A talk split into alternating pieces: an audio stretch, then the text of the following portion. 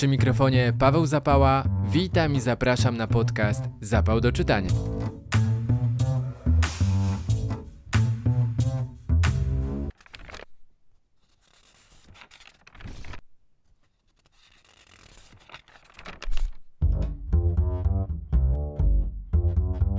Trzydziesty piąty odcinek Zapału do czytania skupi się przede wszystkim na pokazywaniu języka, języka obcego, a właściwie to wstydzie i lęku, który nam to uniemożliwia.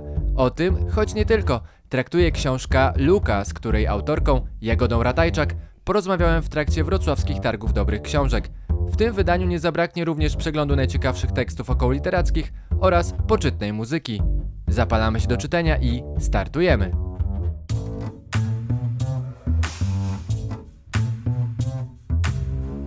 Przypominam, że w serwisie patronite.pl trwa zbiórka pieniędzy na dalsze funkcjonowanie mojego podcastu. Dzięki Waszym wpłatom zapał będzie ukazywał się regularniej, w lepszej jakości i jeszcze częściej z miejsc, gdzie występuje akurat erupcja literackich emocji. Za wszystkie dotychczasowe wpłaty płomiennie dziękuję i nagradzam. Przekonajcie się sami wpisując zapał do czytania w serwisie patronite.pl.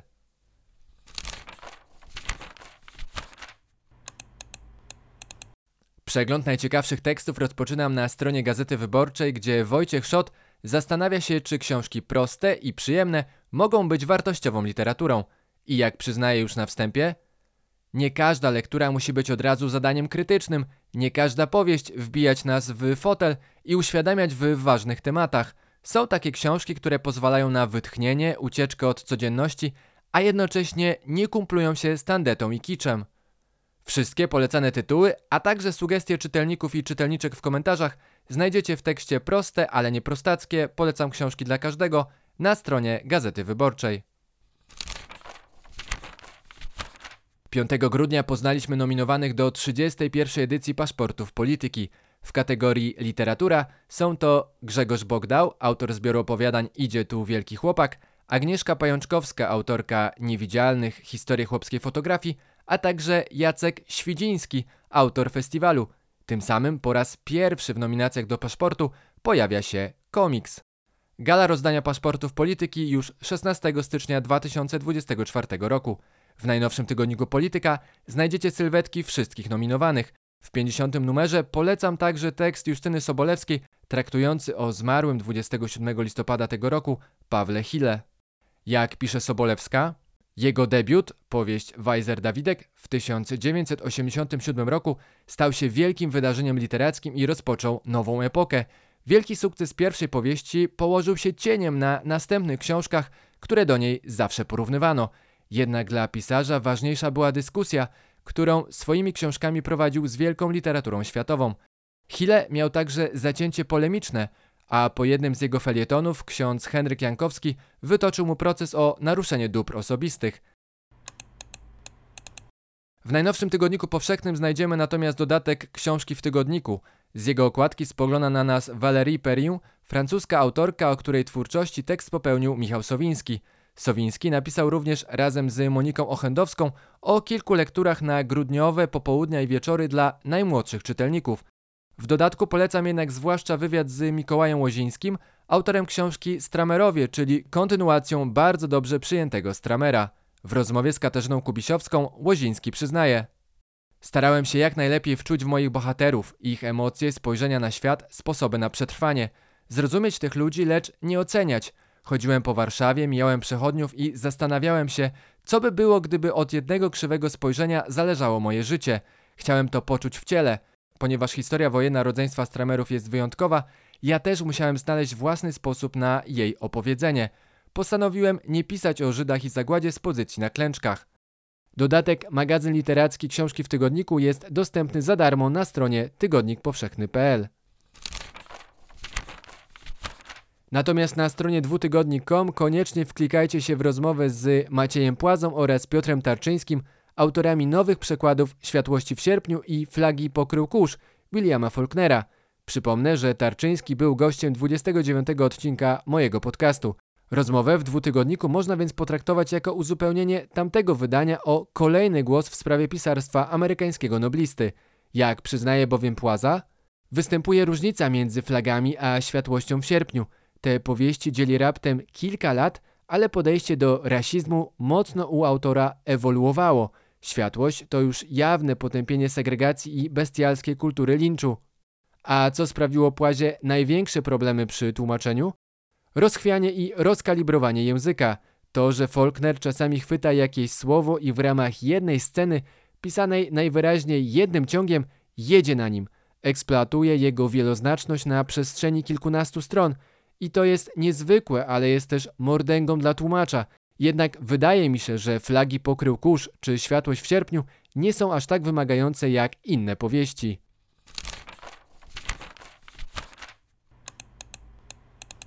A propos tłumaczenia, czas na rozmowę, po której mam nadzieję rozwiną Wam się języki. Z Jagodą Ratajczak, autorką książki Luka, jak wstyd i lęk dziurawią nam język, porozmawiałem w trakcie wrocławskich targów dobrych książek. A skoro Wrocław, to podobnie jak w ostatnim odcinku, czas na muzyczne cięcie z najnowszej płyty duetu Scalpel. Przed Wami utwór Wonderland in Alice, utwór jak najbardziej do czytania.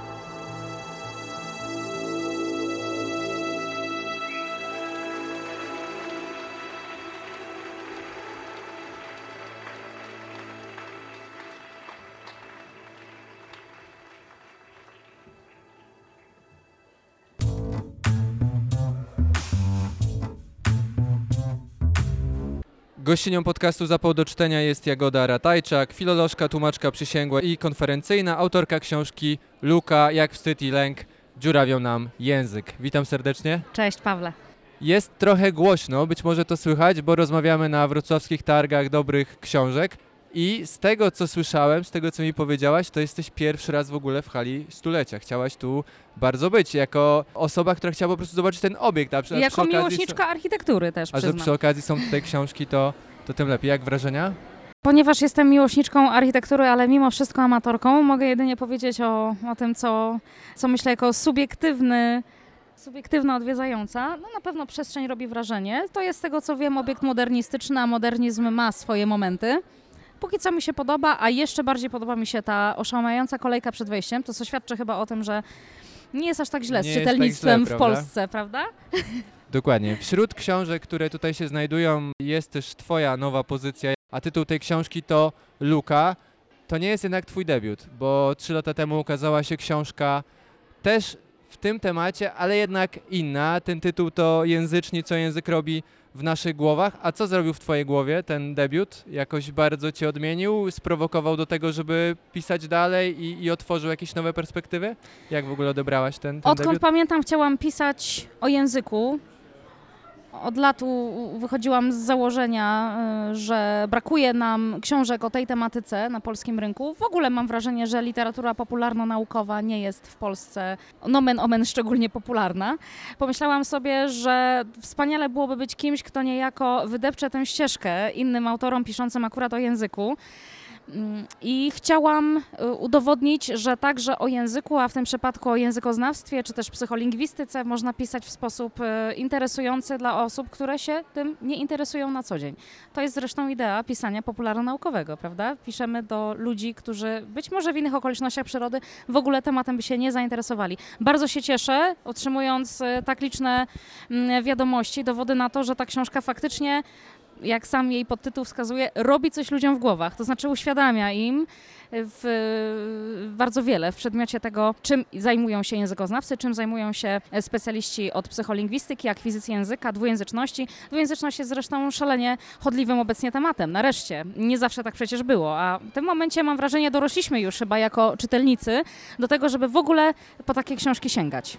I wyszło na to, że żeby takie książki wydawać w takiej formie nietypowej jednak, bo to nie jest taka forma popularno-naukowa mimo wszystko, no to potrzebny jest charakter. Charakter i charakter, bo, bo wydawnictwo Charakter wydało dwie twoje książki, ale ja chciałem cię zapytać o tę wielojęzyczność, dwujęzyczność właściwie, bo ty wspomniałaś swego czasu, że bardzo szybko zaczęłaś o tym myśleć, że zależało ci na tym, żeby być dwujęzyczną osobą. Pamiętasz ten taki pierwszy moment w twoim życiu, kiedy to się pojawiło, taka myśl, że bardzo byś chciała? Pamiętam, pamiętam i mogę nawet wskazać e, okoliczności, może nie datę, ale na pewno e, były to okolice moich siódmych urodzin, kiedy po raz pierwszy zobaczyłam w telewizji tłumaczy konferencyjnych. Po raz, po raz pierwszy uświadomiłam sobie wtedy istnienie e, takich osób, takiego zawodu i pamiętam jak wielkie wrażenie na mnie, dziecku, które już wtedy uczyło się języka obcego, języka angielskiego, zrobiło na mnie to, że istnieją w przyrodzie ludzie, którzy potrafią mówić w języku obcym w czasie rzeczywistym, e, symultanicznie, równocześnie z osobą, która mówi coś w języku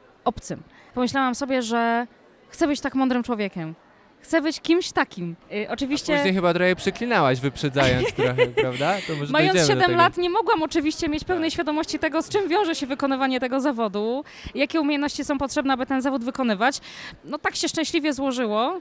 No, szczęśliwie, nieszczęśliwie, także na skutek e, ciężkiej pracy, którą w to włożyłam, że udało mi się po latach jednak w tym zawodzie pracować. Natomiast wtedy nie mogłam oczywiście wiedzieć, z czym ta praca się wiąże. Pamiętam z tamtego momentu, z momentu zetknięcia z tymi ludźmi na ekranie telewizora, właśnie tą myśl, jak wspaniale jest znać dwa języki w sposób po- umożliwiającym tak swobodną, swobodną wypowiedź i swobodną ekspresję. Z tą ekspresją tłumaczy jest różnie, bo tak naprawdę ich ekspresja to de facto ekspresja prelegenta, którego tłumaczą, ale ta niesamowita łatwość, y, ta wręcz odruchowość w używaniu języka drugiego zrobiła na mnie tak kolosalne wrażenie, że nie mogłam tej myśli wy, wypędzić z głowy przez kolejne lata. I tutaj dochodzimy do momentu, w którym to też przyznałaś, że chciałaś, żeby twój język, twoja znajomość języka nie zdradzała za bardzo skąd pochodzisz. Muszę to, muszę to jednak, muszę o to zapytać, bo miałaś dosyć zabawną sytuację, znaczy zabawną, taką uświadamiającą sytuację, gdy zdałaś sobie sprawę, że zbyt dobra znajomość właśnie w tym przypadku angielskiego też może wskazywać, że niekoniecznie jesteś taką Brytyjką, na której być może zależało ci na tym, żeby ktoś cię postrzegał w tamtym akurat momencie. To był taki pierwszy moment, kiedy zdałaś sobie sprawę, że że trochę nie ma sensu, że ten perfekcjonizm może doprowadzić do bardziej takich stresujących sytuacji i większej ilości, liczby zawodów? Jak to, jak to było? Myślę, że to faktycznie był moment bardzo dla mnie uświadamiający. Jest takie, jest takie znane, e, znane stwierdzenie jednej z bohaterek Szekspira, bohaterów, przepraszam, Szekspira, który, który mówi "The Lady doth protest too much. Ta pani protestuje w wolnym tłumaczeniu. Pani protestuje trochę za bardzo. Pani stara się za bardzo. Pani stara się coś udowodnić. To jest właśnie sedno problemu. My starając się bardzo usilnie udowodnić, że znamy język świetnie, że jesteśmy, że jesteśmy biegli, że jesteśmy hiperpoprawni, paradoksalnie właśnie zdradzamy się ze swoją, takie odniosłam wrażenie, nienatywnością. Dlatego, że rodzimy użytkownik języka X zazwyczaj nie ma potrzeby udowadniania, że jest jego rodzimym użytkownikiem i nie musi się aż tak starać. Przypomnisz tę scenkę jest właśnie z, z książki, bo to była rozmowa chyba ze starszą panią, tak? Gdzieś w jakiejś w E, Wielkiej tak, Brytanii tak, na pewno Tak, i w anturażu pałacowo-parkowym, a e, takich, takich miejsc w Anglii jest mnóstwo. Wspomniałam, że jestem fanką architektury, fanką historii, więc z rozkoszą mm, zwiedzam Anglię, szczególnie tą nieco bardziej nieoczywistą. I właśnie w takich okolicznościach przyrody poznałam panią, która również zwiedzała Waddesdon Pa- e, Manor, z tego co pamiętam. I zaczęłyśmy niezobowiązującą rozmowę na temat tego, co oglądamy, co zwiedzamy i w pewnym momencie y, sama powiedziałam, że jestem, jestem Polką, co bardzo panią zaskoczyło. To był moment, w którym poczułam się oczywiście fantastycznie, ale nie minęło parę chwil, gdy pani stwierdziła, że w sumie powinna była to przewidzieć, że ja nie jestem stąd, bo dzisiaj młodzież, młodzież, proszę zwrócić uwagę tutaj na to, że kryterium wieku także okazało się zdradliwe, y, już tak nie mówi, nie mówi tak starannie, nie stara się aż tak y, i ona, y, z tego co pamiętam, wspomniała też o tym, że nierzadko musi się zastanawiać nad tym, co młodzi ludzie tak naprawdę mają do przekazania. Rozszyfrowanie tego, co mówią, nie zawsze jest dla niej proste. Ze mną nie było żadnego problemu. Pomyślałam sobie wtedy, że Chyba faktycznie staram się za bardzo. Z jednej strony usłyszałam wielki komplement, komplement y, dotyczący staranności mojego języka, ale z drugiej strony no moje próby zamaskowania właśnie tego, skąd pochodzę i tak okazałyby się prawdopodobnie nieudane. Nawet gdybym się nie przyznała, w cudzysłowie, do tego, skąd faktycznie pochodzę. W tej książce używasz, y, pada takie, padają takie słowa, że gdy brakuje nam Belfra obok, to on się budzi w nas, pojawia się w Tak, nas. sami stajemy się swoimi sta- najsurowszymi krytykami. Czy to wynika trochę z tego, że już mając tych belfrów, ci belfrowie nauczyciele, tak jak zresztą wypowiadają się też twoi bohaterowie w tej książce, to jednak dociskają trochę za bardzo albo budzą potrzebę właśnie w studentach takiego perfekcjonizmu, albo studenci sami wnioskują po tym, jak się ci belfrowie, ci nauczyciele zachowują, że muszą być perfekcyjni. Że jeśli, jeśli jakiś język, to perfekcyjnie albo w ogóle, bo często też bardzo długo obowiązywała taka metoda nauczania, że ten język musiał być tak wyśrubowany do, tak, do tak, końca. to jest zdecydowanie pokłosie dawnego myślenia o, o języku, w ogóle o dwujęzyczności. Przed II wojną światową y, część językoznawców y, wychodziła z założenia, że o dwujęzyczności w ogóle możemy mówić dopiero w momencie, w którym między językiem A a językiem B mm, następuje idealna równowaga. Równowaga, jeśli chodzi o y, zasoby leksykalne, y, ogólną sprawność gramatyczno-fonetyczną. Dzisiaj wiemy, że tak nie jest. Dzisiaj wiemy, że dwujęzyczność jest spektrum, że jesteśmy dwujęzyczni, y, stajemy się dwujęzyczni w różnych okolicznościach, na różne potrzeby. Używamy naszych języków drugich, trzecich, kolejnych y, w różny sposób z różnymi ludźmi, co sprawia, że one tak naprawdę nigdy nie są w pełni symetryczne, jeśli mm, uznamy, uznamy perfekcyjną znajomość dwóch języków za symetrię właśnie. Natomiast przez wiele lat tak myślano i stąd to y, przypuszczenie, to, to, to, mm, to przekonanie nauczycieli, dawnych nauczycieli, że należy bezwzględnie dążyć do wytworzenia tego rodzaju równowagi, perfekcyjnej symetrii w nauczaniu języka. Na pewno wciąż to myślenie pokutuje, szczególnie wśród osób starszych, które przecież pamiętają czasy y, takiego, takiego podejścia do języka. Natomiast jeżeli chodzi o środowisko uczelniane, bo tak naprawdę od tego wyszliśmy, to jest bardzo specyficzne środowisko. Oczywistym jest to, że osoby, które kształcą się na przyszłych nauczycieli i tłumaczy, no muszą wręcz stawiać sobie wyższe wymagania. Ta poprzeczka często zawieszona jest bardzo wysoko, szczególnie kiedy faktycznie chcemy zostać tłumaczami, chociażby konferencyjnymi. Nic natomiast nie uzasadnia, a rozmawialiśmy już o tym wczoraj na moim spotkaniu, nie uzasadnia gnębienia, poniżania, upokarzania. Bycie wymagającym nie musi iść w parze z byciem tyranem. I myślę, że nawet jeżeli sam wykładowca, sam nauczyciel ma wielkie oczekiwania wobec swoich podopiecznych i ma pełne prawo wiele od nich oczekiwać, jako od przyszłych specjalistów, nic nie uprawnia e, sięgania po e, sadystyczne metody i e, atakowanie e, innych osób personalnie. Jednak te ciosy, które otrzymujemy w naszą samoocenę, no zdecydowanie nie pomagają w wytworzeniu tak naprawdę żadnych umiejętności, szczególnie językowych. Później trudno pokazać język, mówiąc tak y, już. e, Tak, i dorastamy w przekonaniu, że jesteśmy wiecznie niedostatecznie dobrzy. W Twojej książce pojawia się rozdział, na który zwróciłem chyba nie tylko ja taką większą uwagę. Mam wrażenie, że ten rozdział, nikt o ten rozdział nie pytał, o to pojęcie, a każdy potrzebował. Chodzi mi o akcentyzm, o, o, to, o ten rozdział, który zrobił na mnie największe wrażenie. Tak, Naprawdę? myślę, że tak, że zrobił na mnie Naprawdę? największe wrażenie, bo nie zdawałem sobie sprawy, jak w większości nas siedzi to gdzieś z tyłu głowy. Dlaczego, skąd bierze się ta bariera, ten wstyd?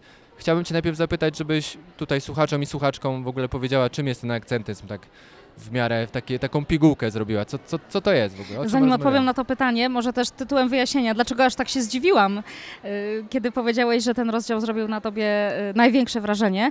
Jestem tym zaskoczona, y, dlatego że większość osób uważa, że tematy związane z akcentem i z tym wyśmiewaniem czy, czy krytyką cudzego akcentu zostały już dobrze przerobione i przedyskutowane. Wygląda na to, że nie.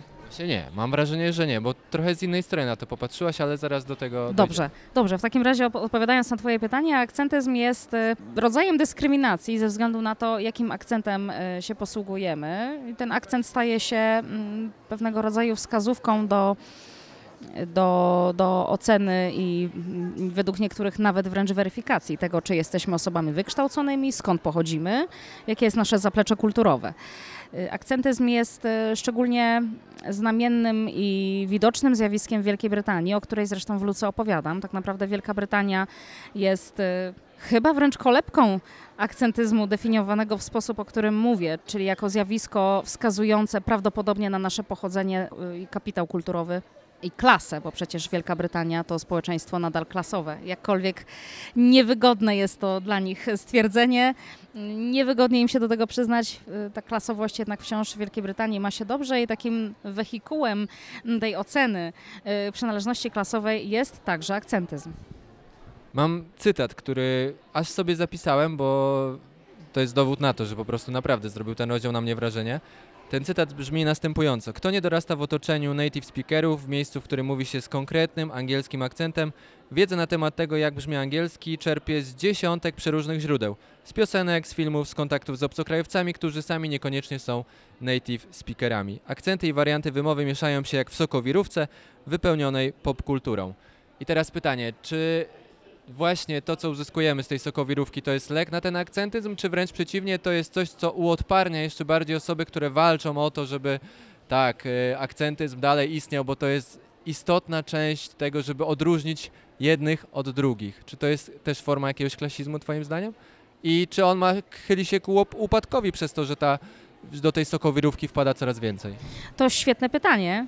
Naprawdę fantastyczne, fantastyczne pytanie i, i dobrze słyszeć, że faktycznie cytat, który, który wybrałeś, no, doskonale ilustruje to o, czym, to, o czym mówisz, czyli prawdopodobieństwo, że akcentyzm będzie mimo wszystko chylił się ku upadkowi z tej prostej przyczyny, że wpływowość języka angielskiego i jego popularność wśród ludzi o bardzo różnego pochodzenia, wśród ludzi, którzy przecież w większości nie są jego rodzimymi użytkownikami, no sprawi, że rzeczywiście będziemy się prawdopodobnie coraz bardziej oddalać od tego modelu znanego z książek, znanego z BBC, znanego z podręczników e, do nauki, czyli de facto z książek.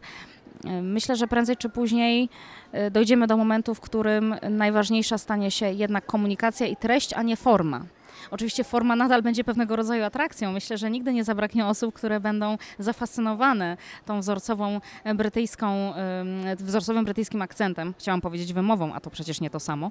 Brytyjski akcent znany jako Received Pronunciation, czy też BBC English, jest jednak dla wielu takim symbolem brytyjskości i myślę, że na pewno, zwłaszcza w dobie popularności seriali o brytyjskiej arystokracji na Netflixie, nie zabraknie osób, które będą jednak próbowały się tego akcentu uczyć, jako oczywiście osoby nierodzime, nie, nierodzimi użytkownicy angielskiego, będą nim zafascynowane, ale myślę, że ta presja na to, żeby mówić w określony sposób, w tym przypadku w ten sposób, będzie malała, właśnie dlatego, że angielski jest zbyt potężny, zbyt wielu z nas używa go po prostu jako narzędzie komunikacji. Yy, I podtrzymuję oczywiście to, że większość z nas, szczególnie ci z nas, którzy na filologii angielskiej nie wylądowali i nie przeszli takiego typowego szkolenia w zakresie wymowy i akcentu, yy, uczą się tegoż języka i nabierają przekonania, yy, przepraszam, nabierają wyobrażeń dotyczących wymowy i akcentu właśnie z popkultury. Słuchamy piosenek, oglądamy film, filmy, bardzo różne filmy. Jedne są amerykańskie, drugie brytyjskie czasami też australijskie i z tego właśnie, z tych źródeł czerpiemy nasze wyobrażenie o akcencie czy o wymowie. Dopóki właśnie jesteśmy zrozumiani, dopóki jesteśmy w stanie się sprawnie komunikować, nie widzę powodów, dla których mielibyśmy akurat z takiej metody mm, zdobywania pojęcia o języku zrezygnować. A dlaczego tak jest, że większość filologów, filolożek ma problemy później z podróżowaniem ze swoimi znajomymi? Bo opisujesz w tej książce, w, swoje, w, w luce przypadki, w których twoi znajomi na przykład nie zamawiali jedzenia przy tobie, bo wstydzili się swojego Oj, tylko angielskiego. jedna znajoma. Okej, ale opisujesz też przypadki innych osób, a zresztą wiem, że ty też w otoczeniu filologów innych języków masz problem, żeby tak od razu natychmiast się, Tak. a, roz, żeby natychmiast rozwiązał ci się język. Tak, tak. To jest y, jeden z moich największych problemów językowych, bo wbrew pozorom takowe, takowe mam. Jest mi, jest mi z tym trudno, tyle że staram się zachęcać osoby, e, które wstydzą się mówić przy mnie po angielsku, do tego, żeby właśnie ten wstyd i lęk e, pokonały, a jednocześnie sama z tym lękiem i wstydem się mierzę. I ktoś mógłby mi zarzucić, że jestem obłudna. Jak możesz mówić innym, żeby wyzbyli się swoich zahamowań, skoro sama z takimi zaham- e, zahamowaniami masz do czynienia, sama z nimi walczysz? Mam świadomość tego, że jest to coś, co muszę po prostu pokonać, że muszę, muszę dojrzeć do tego, by używać języka po prostu jako narzędzia komunikacji, tego języka, który znam być może trochę słabiej niż bym chciała. Mówię tu o języku niemieckim.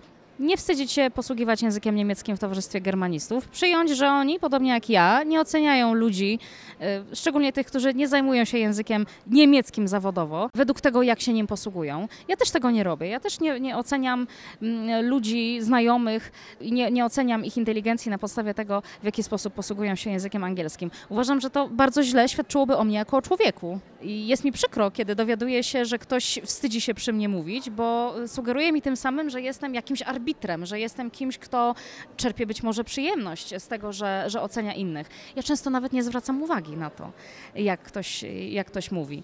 Jeżeli zwracam uwagę, to raczej wtedy, kiedy przyglądam się swojej tak zwanej konkurencji, to znaczy innym tłumaczom, innym nauczycielom, osobom, które zajmują się językiem zawodowo. Myślę, że wtedy trudno faktycznie powstrzymać się od dokonywania jakichś e, cichutkich, dyskretnych ocen, wewnętrznych często, jedynie wewnętrznych ocen, ale jeżeli chodzi o pozostałe osoby, nie widzę powodów, dla których miałabym to robić i bardzo nie chcę, żeby mnie w ten sposób oceniano i uważano, że jestem osobą tego typu, Ale osobą męczcie- oceniającą. Ale męczy cię trochę jakby ta uwaga z twojej strony, że, mo, jakby, że ty musisz dać komuś zielone światło do tego, czy, czy nie? Czy już odpuściłaś sobie trochę? Myślę, że odpuszczam coraz więcej rzeczy z wiekiem. Ja w ogóle sobie bardzo dużo rzeczy odpuszczam, odkąd napisałam tę książkę. Ta książka także dla mnie była bardzo uświadamiającym doświadczeniem. Yy, Połapałam się, zorientowałam się, ile we mnie jest takiej oceniającej Jagody Ratajczak i postanowiłam, że będę z tym walczyć. Więc luka jest yy, dla mnie wielce oczyszczająca. Porozmawiamy trochę o specyfice tej książki, jeśli chodzi o twój styl, bo to absolutnie, absolutnie nie stoisz w tej książce z boku. To nie jest taka książka, w której jest dużo teorii i trochę opinii innych ludzi, tylko ty się bardzo angażujesz w tej książce. To jest taki reportaż, mam wrażenie, momentami wcieleniowy, choćby ten rozdział, być może ten rozdział zrobił nam naj, naj, największe wrażenie, bo do tej pory o tej grupie osób nie czytałem aż tak dużo, bo może też nie ma aż tak dużo, dużo książek albo dużo w powszechnym takim nurcie nie dużo się o tym słyszy. Chodzi mi o osoby jąkające się. E, Cieszę się, że o tym wspominasz. I chciałbym właśnie o tym teraz porozmawiać, bo nie spodziewałem się tego rozdziału w tej książce. To mnie zdziwiło, bo ten rozdział jest już w drugiej połowie, a nawet powiedzmy, Tak, że w jest tej to po- bodajże przedostatni rozdział. przedostatni Mhm. rozdział i wielu rzeczy nie wiedziałem. Myślę, że te, dla samego tego rozdziału bardzo warto Twoją książkę przeczytać, bo widać jak mocno się zaangażowałaś w historię swoich bohaterów. I mam cytat jednego z Twoich rozmówców, Maćka, który wydaje mi się, Ty sama to powiedziałaś, mógłby być też takim podtytułem tej książki, czyli że ponieważ ciągle zmagamy się ze słowem, nadajemy mu większą wagę niż ma w rzeczywistości. Nigdy bym nie pomyślał, że to, jak oczekujemy od, oczekujemy od kogoś płynności mówienia w jakimś języku, bardzo mocno wpływa choćby na osoby jąkające się, że od nich też oczekujemy, że jeśli ona nie mówi płynnie, to znaczy, że coś jest z nią nie tak, albo że wymuszamy na niej, żeby ona była taka jak my, a nie była właśnie różna, żeby ta neuroróżnorodność, o które, której nazwa tutaj pada, jest bardzo istotna i powinniśmy się cieszyć z tego, że ona istnieje, a nie wymagać od takich osób, żeby one jakby dopasowały się do nas. Tak, zauważ Pawle, że osoby mm, z doświadczeniem jąkania, bo tak lubią o sobie mówić i często chcą, aby ten sposób je nazywano, uwrażliwiają się na język, a przede wszystkim uświadamiają sobie istnienie dyskryminacji ze względu na język, sposób w jaki go używamy, dużo wcześniej od nas. Jeżeli my jesteśmy w tak zwanej językowej normie, posługujemy się językiem w sposób płynny, a mówię tutaj póki co o języku ojczystym, wiele refleksji jest nam oszczędzanych. Tak to ujmę. Pierwsze chyba nasze zmagania z językiem, ze wstydem, który towarzyszy używaniu języka, najczęściej po, pojawia się, kiedy y, uczymy się języka obcego. Natomiast osoby doświadczające jąkania doświadczają tego rodzaju emocji, y, tego lęku, tej niepewności już na samym początku swojej przygody z językiem w ogóle. Dlatego zauważam w książce, że ich poziom wrażliwości na sprawy okołojęzykowe jest tak naprawdę ogromny, dużo wyższy niż, y, niż moglibyśmy przypuszczać. Dużo wyższy niż u osób takich jak ja. Owszem, filolożek, y, językoznawczyń, ale osób mieszczących się w językowej normie. Y, Dla mnie pisanie tego rozdziału było niezwykle uświadamiające, ale pozwolę sobie zapytać Ciebie, zadać Tobie pytanie, Pawle, co najbardziej Cię zaskoczyło, jeśli chodzi o wiedzę na temat osób z jąkaniem? Przeczytanie uświadomiło mi ich punkt widzenia. Po prostu to, jak oni patrzą na nas, a nie my, jak patrzymy na Mhm. nich, bo często w kulturze, w popkulturze osoby jąkające są wykorzystywane trochę na to, żeby rozśmieszyć, Tak. rozbawić, a tutaj jednak patrzymy ich oczami, że to wcale ich nie bawi, że to nie jest coś, co z jednej strony próbują się z tym pogodzić, twoi bohaterowie Tak, też są mówią, osoby, że, które tak, próbują to obrócić w Tak. żart. Mhm. ale jednak takie stężenie i patrzenie tylko jednowymiarowo na te osoby, no zresztą każdy z nas się spotkał w swoim życiu w mo- z momentem, w którym choćby się właśnie zająkał i ktoś go za to wyśmiał, albo porównywał go do kogoś, kto się jąka. I chyba najbardziej uświadomiła mi, ten rozdział mi uświadomił, właśnie to spojrzenie z drugiej strony, że ha, szanując tych ludzi, jednocześnie nie dostrzegam tego, co oni dostrzegają, gdzie, gdzie, gdzie jest ta granica. Mhm. I myślę, że też uświadomienie tego, jak to przebiega, kiedy to się zaczyna, jak w ogóle na to, na to patrzeć, ale ta chyba neuro jednak różnorodność najbardziej mi utkwiła w pamięci, że żebyśmy się szanowali za nią po prostu. Tak, to jest w ogóle przekaz numer jeden, przekaz tej książki. Y, Taki komunikat, który pragnę wysłać y, moim czytelnikom, czytelniczkom. Nie chodzi tutaj o to, a o tym też rozmawialiśmy na naszym wczorajszym spotkaniu, żeby udawać, że językowa y, norma jest niepotrzebna. Nie chodzi o to, żeby udawać, że poprawność językowa, płynność to, to kwestie pozbawione znaczenia. One nie są pozbawione znaczenia. My też bardzo lubimy przecież osoby, które wyra- wyrażają się starannie, które wyrażają się poprawnie, płynnie. To sprawia nam wręcz taką estetyczną, kognitywnie dużą przyjemność. Tak mi się przynajmniej wydaje. Natomiast dobrze jest y, być y, po prostu, tym, po prostu człowiekiem i w tym wszystkim dostrzegać y, nasze własne słabości, naszą niedoskonałość, to, że nie jesteśmy maszynami, nie jesteśmy robotami i nasz język będzie niedoskonały, czy tego chcemy, czy nie. A osoby, które z taką własną niedoskonałością, niedoskonałością swojego języka mierzą się na co dzień, y, są myślę fantastycznymi nauczycielami takiej wrażliwości. Bardzo bym chciała, żeby właśnie rozdział o jąkaniu dotarł do jak największej liczby czytelników, niekoniecznie czytających całą książkę. Wystarczyłoby, żeby przeczytali choćby ten rozdział. Bardzo mi zależy na tym, żeby ta perspektywa osób doświadczających y, jąkania wyszła y, poza ramy publikacji stricte terapeutycznych, naukowych, żeby to po prostu trafiło do głównego nurtu. To porozmawiajmy o Twoich planach na przyszłość. Y, Są dwie książki, więc tak sobie obstawiam, że, Że będzie być trzecia? w głowie, będzie trzecia. Czy możesz zdradzić, co to, co to będzie, tak w zarysie, jaka będzie tematyka tej książki? Z jednej strony chciałabym się pochwalić czy podzielić e, swoim najnowszym pomysłem. Z drugiej strony robiłam to już wcześniej. Pamiętam, że jeszcze zanim Luka się ukazała, m, kiedy pytano mnie o plany na kolejną książkę, e, takie plany pokrótce przedstawiłam i od tych planów odeszłam. E, Być może jeszcze do nich wrócę. Tak naprawdę ja miałam pisać książkę o tym, w jaki sposób e, choroby neurodegeneracyjne, a także alkohol wpływają na zniszczenie, deg- degradację, degenerację języka.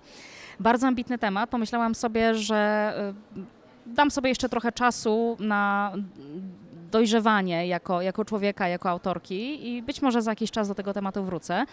Ale prawdopodobnie narobiłam niektórym apetytu, po czym, po czym ich rozczarowałam, albo przynajmniej zaskoczyłam, bo jednak luka dotyczy czegoś innego. Y, Wciąż mrocznych tematów, ale jednak nie takich.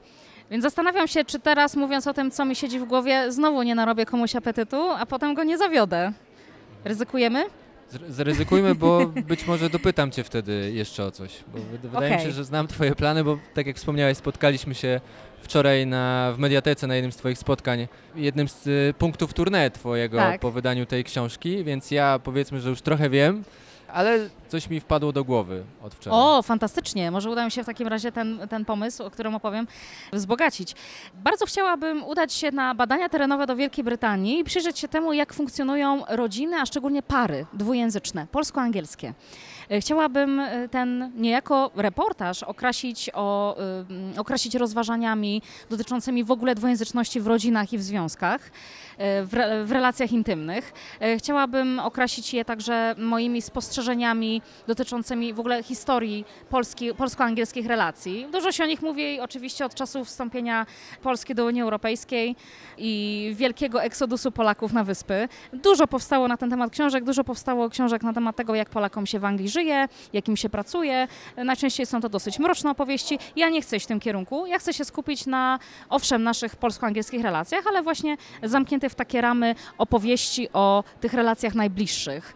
W jaki sposób różnice kulturowe, różnice w mentalności, które przecież istnieją, wpływają na dynamikę tych relacji. Jak do tego właśnie ma się dwujęzyczność, jak do tego w ogóle się ma historia naszych kontaktów, kontaktów polsko-angielskich e, w takim może bardziej historycznym ujęciu. Wydaje się to pewnie dosyć karkołomne zadanie, bardzo ambitne zadanie. Ja chciałem ci dołożyć właśnie do tego karkołomnego zadania jeszcze więcej, bo tak sobie pomyślałem o tych dzieciach właśnie tych par wymieszanych, bo one tak sobie zdałem sprawę, biorąc pod uwagę, kiedy Polska wstąpiła, kiedy wstąpiła do Unii, kiedy otworzyły się granice, to biorąc pod uwagę, że mamy 2023 rok, właściwie już 2024, ale za chwilę to pokolenie dzieci wkroczy na rynek pracy. I to też jest, To będzie jest świetny wątek. to będzie ciekawe porównanie tego, jak są traktowane takie dzieci, a jak są typowani typowi Brytyjczycy, których i tak jest już coraz mniej właściwie. Ale mam wrażenie, że to są teraz lata takie kluczowe też dla postrzegania takich osób. Wspaniale, że mi o tym mówisz, bo właśnie mi uświadomiłeś, że faktycznie w przyszłym roku minie 20 lat, Mhm, tak, odkąd, dokładnie.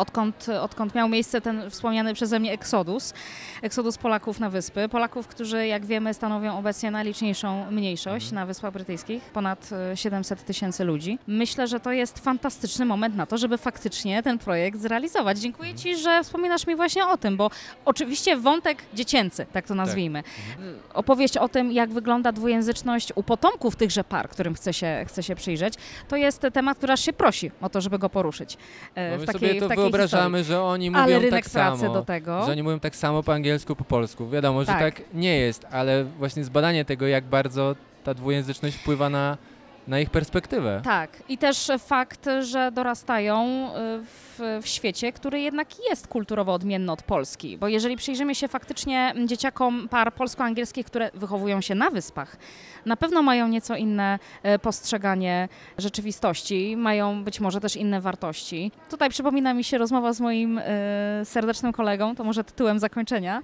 E, Wspomnę o tym, jak powiedział mi, dlaczego on nie chciałby, uwaga, dlaczego nie chciałby mieć żony, narzeczony, partnerki z Wielkiej Brytanii, mimo że sam w Wielkiej Brytanii mieszka od lat. Powiedział mi, wiesz co, ja naprawdę nie chcę tej dziewczynie tłumaczyć tych super żartów o papieżu.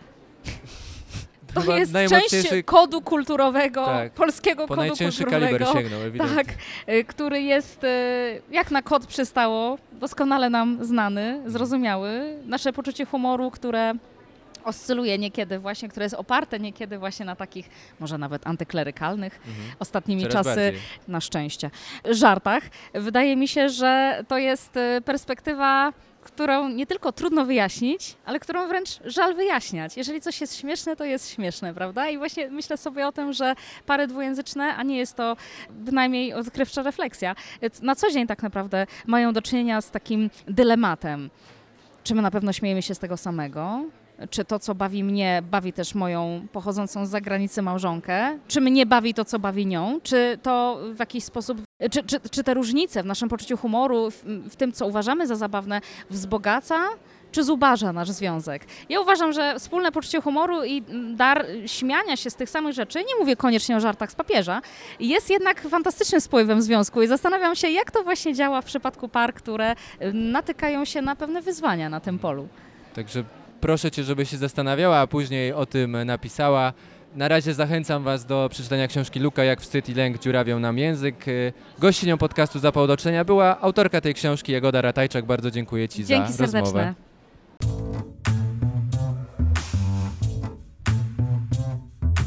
I to tyle, jeśli chodzi o 35. odcinek podcastu Zapał do czytania. Jeśli chcielibyście usłyszeć jeszcze więcej zapału nadającego z imprez około literackich, zapraszam do wspierania mojego podcastu w serwisie patronite.pl. Zapał znajdziecie także na Instagramie oraz Facebooku. Możecie też do mnie napisać na adres zapaldoczytania małpa.gmail.com. Pamiętajcie, żeby polubić i zasubskrybować Zapał wszędzie tam, gdzie go spotkacie. Płomiennie dziękuję. Do usłyszenia.